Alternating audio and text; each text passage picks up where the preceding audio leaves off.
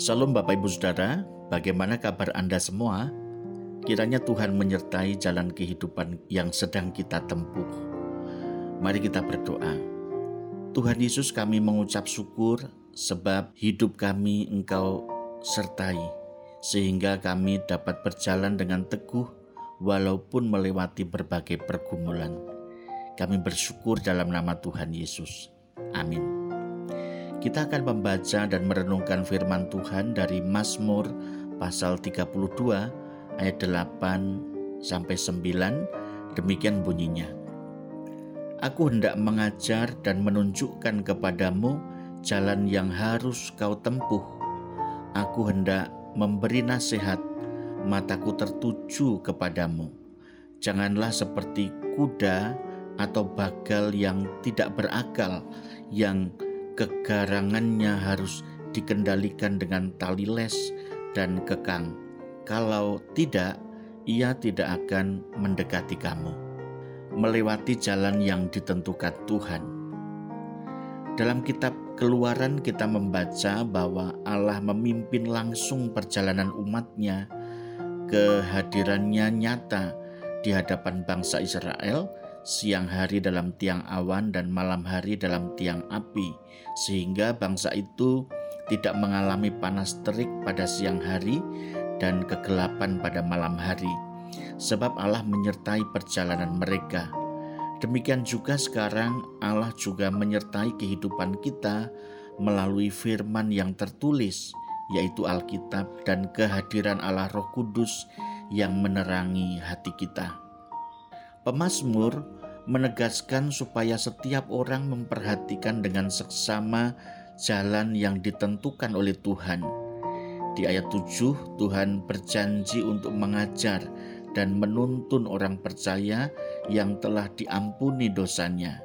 Mereka diberi hati yang mau belajar firman dan akan mampu menghargai kehadiran serta nasihat Allah supaya kita memiliki hati yang taat kepada firman Tuhan, maka kita harus mengarahkan mata iman kita kepada firman, kehadiran Tuhan, dan providensi Allah.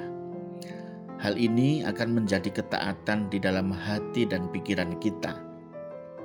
Allah yang begitu besar, agung, dan mulia tidak mungkin kita abaikan tuntunan dan pimpinannya. Tuhan harus kita taati. Walaupun kita sadar, tentu ketaatan kita tidak sempurna. Masih ada kekurangan di sana-sini karena keterbatasan kita sebagai manusia dan kecenderungan kita untuk lari dari kebenaran. Perjalanan kehidupan di dunia ini tentu saja tidak mudah bagi kita, anak-anak Tuhan. Kita harus selalu waspada terhadap godaan dan jebakan iblis yang setiap saat dapat menjatuhkan kita ke dalam dosa. Kesadaran ini membuat kita semakin rendah hati dan selalu mengharapkan pimpinan serta tuntunan Tuhan di dalam firman-Nya. Jika tanpa firman Tuhan dan penerangan Allah Roh Kudus, tentu kita akan tersesat melewati jalan yang berliku di dunia ini. Kepekaan untuk mendengarkan suara Roh Kudus dan kesediaan kita melakukan firman Tuhan bukan lagi pilihan bagi kita, melainkan harus kita jadikan kebutuhan yang harus ada di dalam menjalani kehidupan sehari ke sehari. Kita harus mempercayakan hidup kita untuk selalu dipimpin Tuhan melalui kebenaran firman-Nya agar kita selamat melalui liku perjalanan di dunia ini.